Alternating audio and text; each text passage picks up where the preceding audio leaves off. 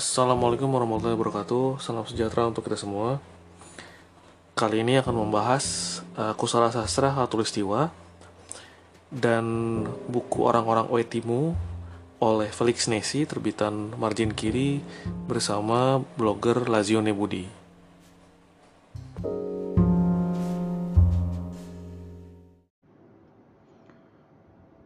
Halo, selamat siang berjumpa lagi dengan Lasione Budi. Ya, ini adalah uh, episode untuk Kusala Sastra Katulistiwa tahun 2020. Tahun ini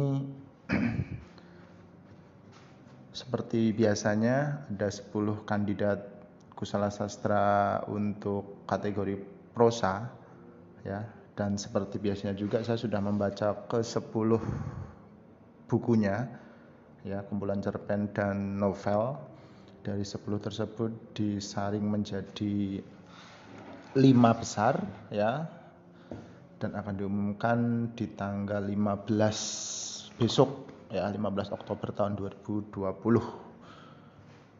nah seperti biasanya juga saya akan memprediksi semuanya ya di blog lasionebudi.wordpress.com tapi untuk yang podcast ini tidak biasa. Ya, jadi ini untuk pertama kalinya saya akan memprediksi, saya akan mengulas secara singkat seluruh buku kategori prosa yang ada di Kusala Sastra ini ya lewat uh, Bung Takdir ya, teman diskusi film, diskusi buku, diskusi bola. Oke, langsung saja ya untuk uh, 10 buku Kusala Sastra tahun ini akan saya ulas singkat-singkat aja semuanya ya. Semuanya sudah di review di blog saya juga. Jadi ini versi uh, suara, versi verbal dari yang uh, aku tulis di blog. Oke, yang pertama ya, itu adalah ketua klub gosip dan anggota kongsi kematian dari Yeti AK.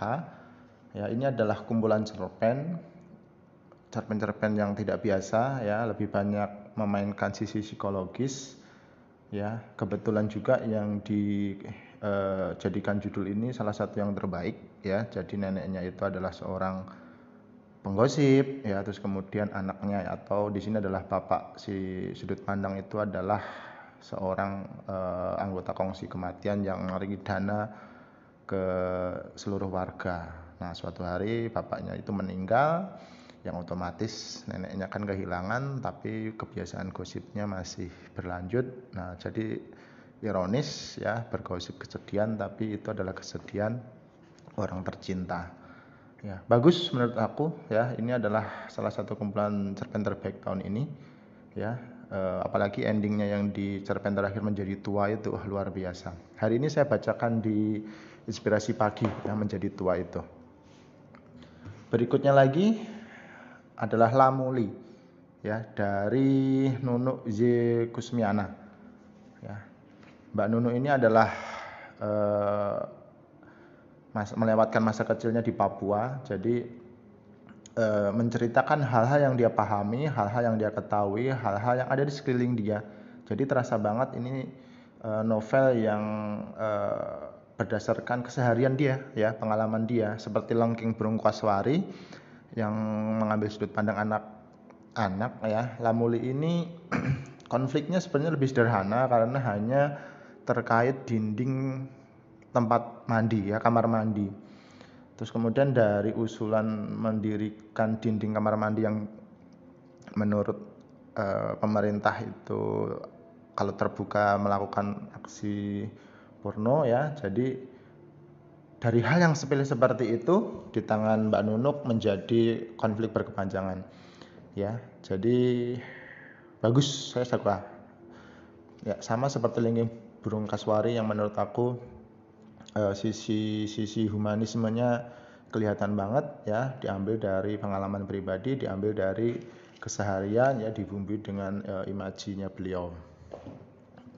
Yang ketiga tentang uh, konflik di Aceh ya dari Arafat Nur Kawimatin di negeri anjing dari Basa Basi ini kalau aku memberi satu kalimat sih uh, hikayat orang apes.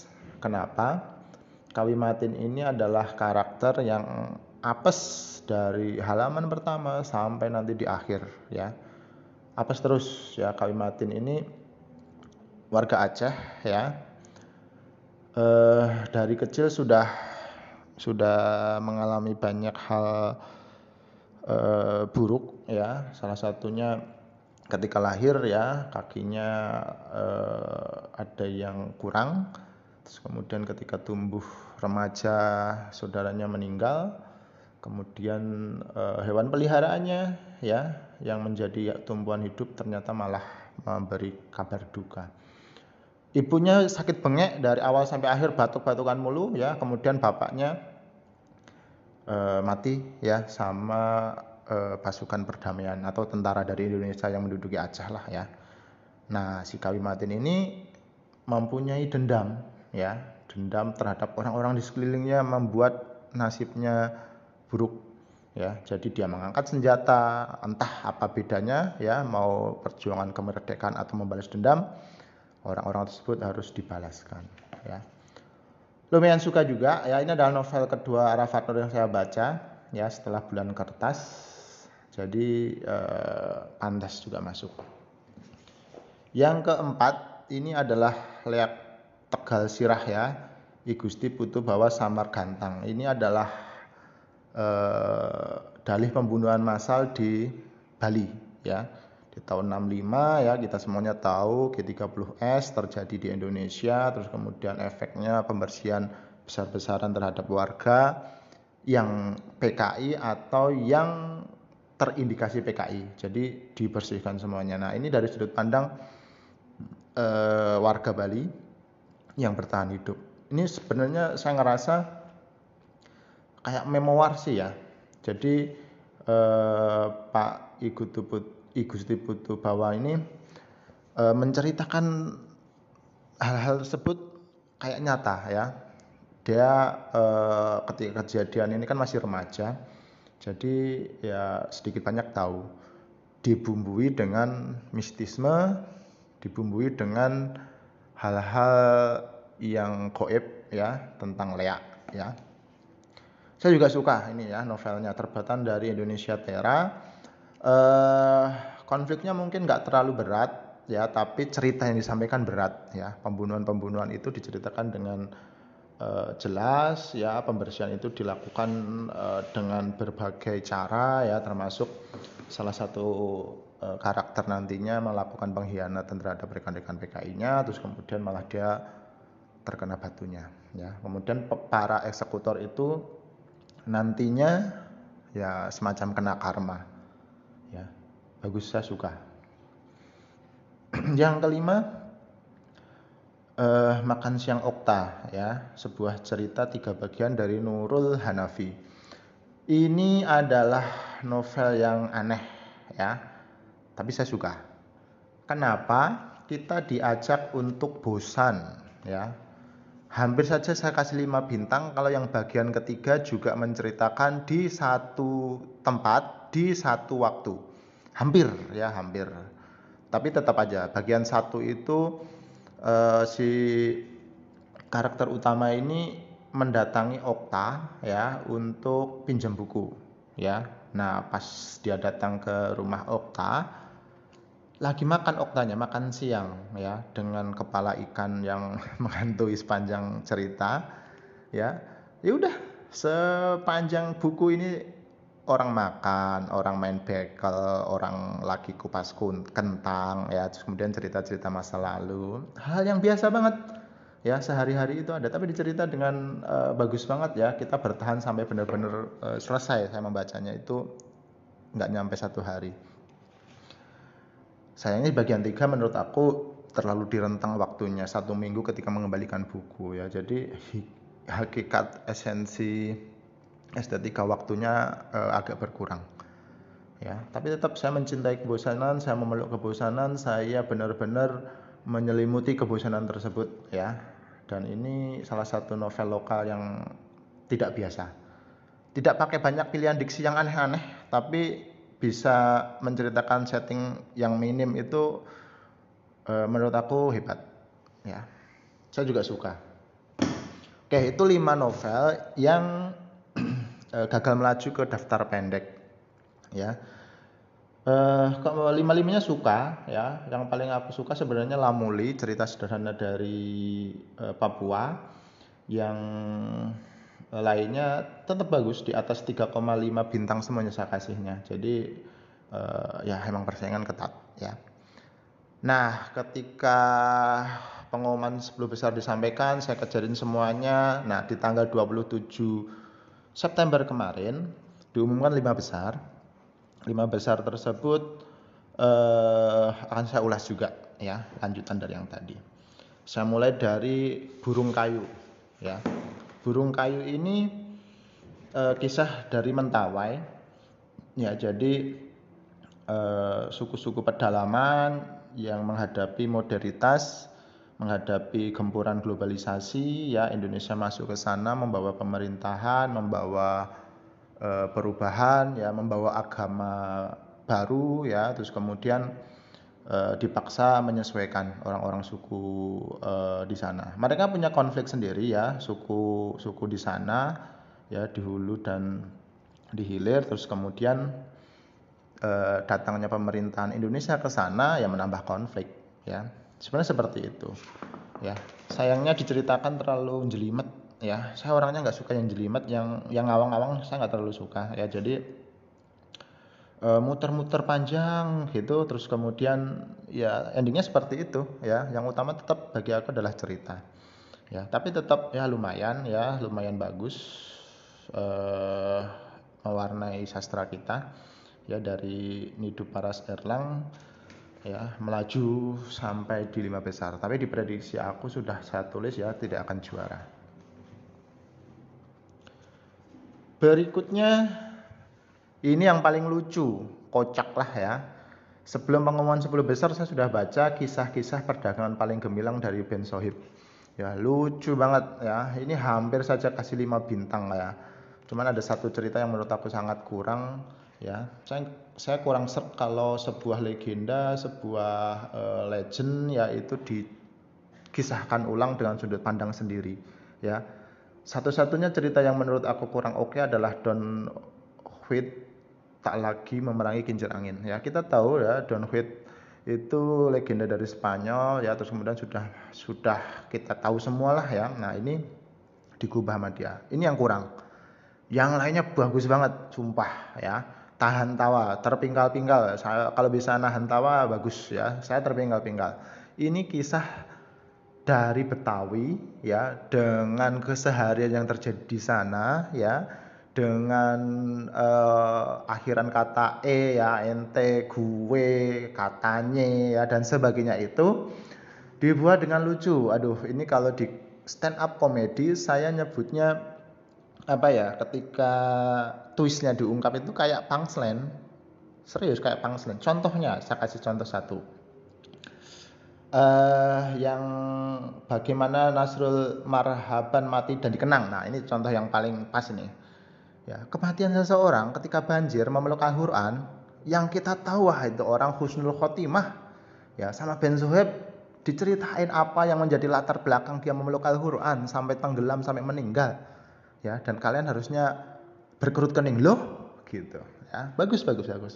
Saya kasih satu lagi deh ya karena emang bagus banget ini kumpulan cerpennya dari Banana. Yang eh, kutukan korban ke sembilan nah ini juga lucu ini. Ini kayak apa ya? Ironis ironis ya. Jadi orang nipu ya tentang eh, apa ya hutang para almarhum almarhumah Kemudian ahli warisnya dimintain hutang yang tidak ada. Nah, ini korban kesembilannya ternyata ada ada yang curiga. Nah, yang ini kemudian di akhirnya itu ya ampun gemeter anaknya itu ternyata nyambung sama korban yang kesembilan. Aduh, luar biasa ini. Benar-benar jenaka luar biasa. Aku uh, sampai nahan tawa berkali-kali kalau membaca ini. Dan ini layak dikoleksi sih ya, karena uh, tipis bukunya dibacanya cepat terus kemudian covernya juga bagus sederhana ya uh, pantas banget lah ya masuk ke lima besar dan saya sudah prediksi ketika sebelum masuk uh, 10 besar diumumkan itu saya udah ngomong ini good luck for KSK 20 untuk uh, kisah-kisah perdagangan paling gemilang ya. Pantas banget. Berikutnya yang ketujuh surat-surat Lenin Andrew ya dari Maywin Dwi Asmara. Ya maaf ya maaf. Setiap tahun selalu ada yang nilainya paling rendah masuk ke lima besar dan untuk tahun ini saya minta maaf banget kepada uh, Maywin Dwi Asmara ya ternyata kumpulan cerpen kamu yang masuk di nilai terendah tahun ini. Ini yang paling rendah, ini yang paling biasa dari semua kandidat yang ada. Ya, kenapa? Sekali lagi saya kurang suka cerita yang ngawang-ngawang, cerita yang e, menceritakan hal-hal yang absurd, terus kemudian cerita utamanya malah hilang, esensi cerita utamanya hilang, ya. Di pembuka bagus ya surat-surat Lenin Andrew itu bagus ya. Terus kemudian mematikan karakter penting bagus tapi semakin ke belakang terjun ya. Nurun nukik terus sampai di Roma akhirnya itu nukik udah sampai dasar menurut aku ya. Ini paling rendah tapi tetap uh, saya kasih nilainya tiga bintang ya nggak nyampe uh, serendah dua tahun atau tahun lalu yang ada nilainya dua tapi tetap ini yang paling rendah adalah tiga ya. Jadi tahun ini sebenarnya nggak ada yang mengecewakan sih ya. Surat-surat Lenin ini juga pantas tapi agak mengejutkan aku masuk ke daftar paling pendek. Oh nggak mengejutkan sorry. Tahun-tahun sebelumnya selalu ada yang dua bintang jadi ya wajar ya. Selalu ada seperti ini. Ya saya minta maaf ya uh, buat my win ya tapi tetap ya nggak akan kapok ke aku ya buku berikutnya aku tunggu juga ya tapi ya jangan ngawang-ngawang esensi cerita tetap yang utama. Berikutnya yang ke-9. Ini adalah orang-orang Utimu ya dari Velikanesi. Pemenang sayembara novel Dewan Kesenian Jakarta tahun 2018. Ya, saya bisa pastikan akan menyanding eh, DKJ 2018 dengan KSK 20. Kenapa? Orang-orang itu ini uh, fiksi etnografis yang sempurna, ya. Ceritanya kalau boleh ngambil sebentar ya waktunya, ceritanya itu uh, memainkan beberapa ironi, memainkan beberapa joke, ya seksualitas juga ya dapat label 19 plus kemudian suram ya karena suram adalah kunci maka ini adalah kombinasi sempurna. Suram banget ceritanya ya. Bung Felix juga nggak segan-segan mematikan karakter penting ya karakter favorit sang Sersan ya wah itu endingnya uh serem. Atau Nona Silvi ya itu karakter sempurna. Cantik pinter terus kemudian bisa menempatkan diri ya. Wah keren lah ya. Apes tapi ya yang terakhir ini apes ya. Ceritanya dibuka tahun 98 ya jadi tahun 98 itu kan ada final Piala Dunia Perancis ya. Perancis lawan uh, Brasil ya. Dan kita tahu Brasil kalah tiga gol ya. Tapi ketika separuh babak di sebuah tempat di Utimu ya itu ada nonton bareng ya di pos polisi ya Sersan IP ya. Jadi Sersan IP ini sebagai tuan rumah ya kemudian ngajak eh, Martin Katibi sepuhnya lah di situ dijemput kemudian nonton bareng di situ sekalian ngumumin bahwa pertunangannya Sersan IP sama Nona Silvi ya. ketika separuh babak dua sundulannya Zidane meluluh lantakkan Brasil dan itu membuat warga Utimu yang mayoritas menjagokan Brasil kecewa berat. Jelas salah satunya adalah Martin Katibi. Nah, dia lalu pulang cepat. Nah, ketika dia pulang itu di rumahnya sudah menunggu eh, para pembunuh yang mau menuntaskan dendam. Ya, jadi eh, dendamnya itu apa? kemudian berhasil enggaknya kita langsung tarik ke belakang ya di zaman sebelum uh, Utimu ini merdeka ya atau masih di zaman kolonial lah ya. Kolonial Belanda kolonial Jepang ya. Tokoh legendanya di situ adalah Amsiki ya tentang kuda dan apa perjuangan yang dianggap pahlawan karena membantai orang Jepang yang memperkosa kuda. Ya ketika ada Romusa itu aduh lucu banget lah. Termasuk ya latar yang lainnya ketika eh, pasukan Portugis ya itu dikirim ke sana terus kemudian salah satu karakter yaitu Julio Cruzeiro dos Santos ya itu uh, ditugaskan ke sana ya sama anak istrinya ikut ya daerah yang dikiranya damai ya karena orang Eropa kan taunya di Afrika yang rusuh ini timur jauh wah kayaknya damai ya ternyata apes ya. Nah nanti Eh, putrinya yang namanya Laura itu menjadi peran penting di uh, generasi berikutnya ya sampai dengan di final Piala Dunia tahun 2000 eh sorry tahun 1998. Nah, kenapa saya bilang bagus ya Utimo ini menurut aku nggak biasa ya. Jadi uh, pantas banget menang di uh, di KJ 2018 ya dan sangat pantas lagi menang di KSK tahun ini ya. Saya ketika selesai membaca ini di tanggal 26 uh, eh, September itu udah WA Bung Takdir ya. Malam-malam banget ya bahwa ah, pemenangnya udah jelas pasti ini padahal baru baca separuhnya saya. Tanggal 27 paginya saya selesaikan makin mantep karena emang bagus banget. Siangnya muncul pengumuman lima besar makin yakin ya. Jadi sebenarnya di tanggal 27 Oktober itu udah selesai menurut aku ya, selesai uh, pemenangnya sudah saya uh, bab adalah orang-orang Utimu dari Velikanesi. Kandidat yang terakhir yang ke-10 itu adalah Kedung Dharma Romansa, judulnya Rabi. Ya. Ini menurut aku adalah kesempatan kedua beliau ya, setelah telembung di tahun 2017 ya itu telembuk keren banget ya. Aduh aku kehabisan kata-kata ya. Telembuk itu menurut aku apes aja terbitnya bareng sama dawuknya Cak Mahfud ya. Dawuk itu juga aduh itu uh, istimewa lah ya menurut aku. Ceritanya sangat istimewa ya nggak nggak biasa. Telembuk sama ya Beberapa bagian bahkan ada yang dipotong, beberapa bagian ada yang vulgar, beberapa bagian ada yang ironis ya. Dan itu sebentar.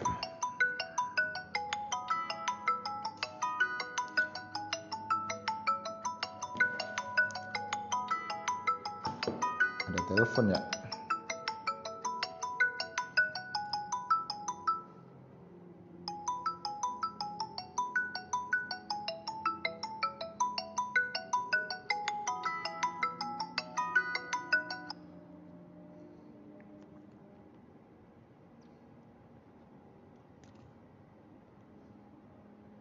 Oke, kita lanjutkan. uh, itu bagus banget.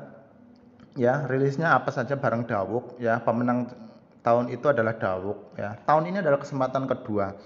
Jadi uh, skornya juga tinggi sih ya, walaupun ada penurunan sedikit dari Telembuk ya.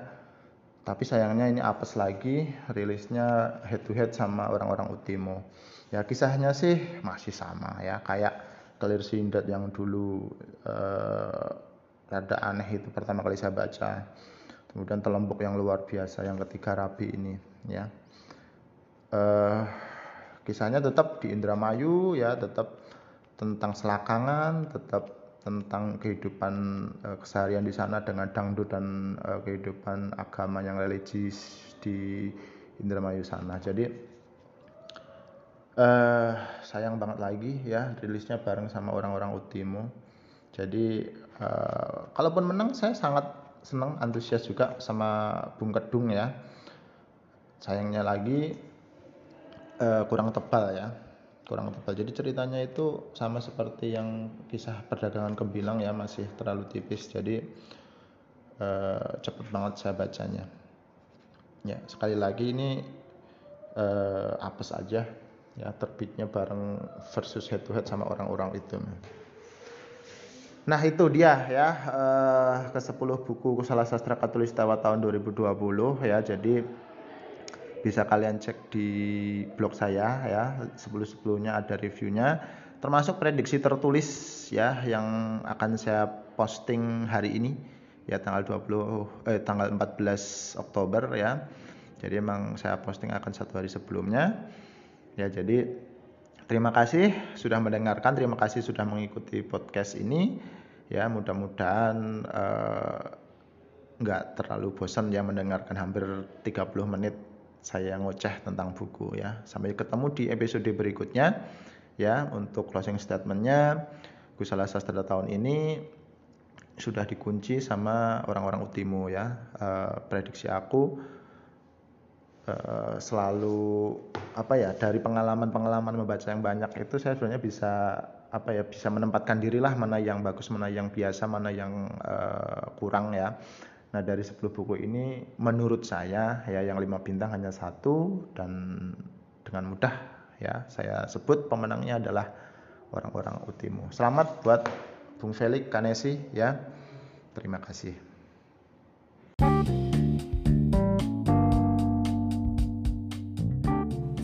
Ya, terima kasih banyak untuk blogger Lazione Budi atas atas ulasannya mengenai novel-novel yang masuk ke salah sastra katulistiwa tahun 2020 ini.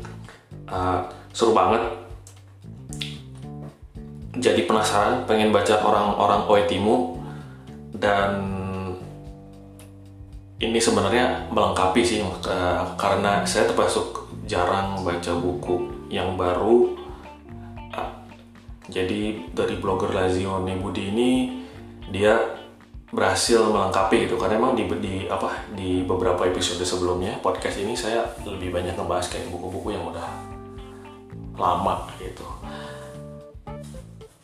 Oke, jangan lupa kalau misalnya mau lihat versi tulisannya tinggal datang ke www.lazione l Z Z-nya zebra, I-nya Indonesia, O-nya ojek, N-nya Nepal, E-nya English, B-U-D Y, Y-nya dari y yaman.wordpress.com. Oke, terima kasih telah mendengarkan.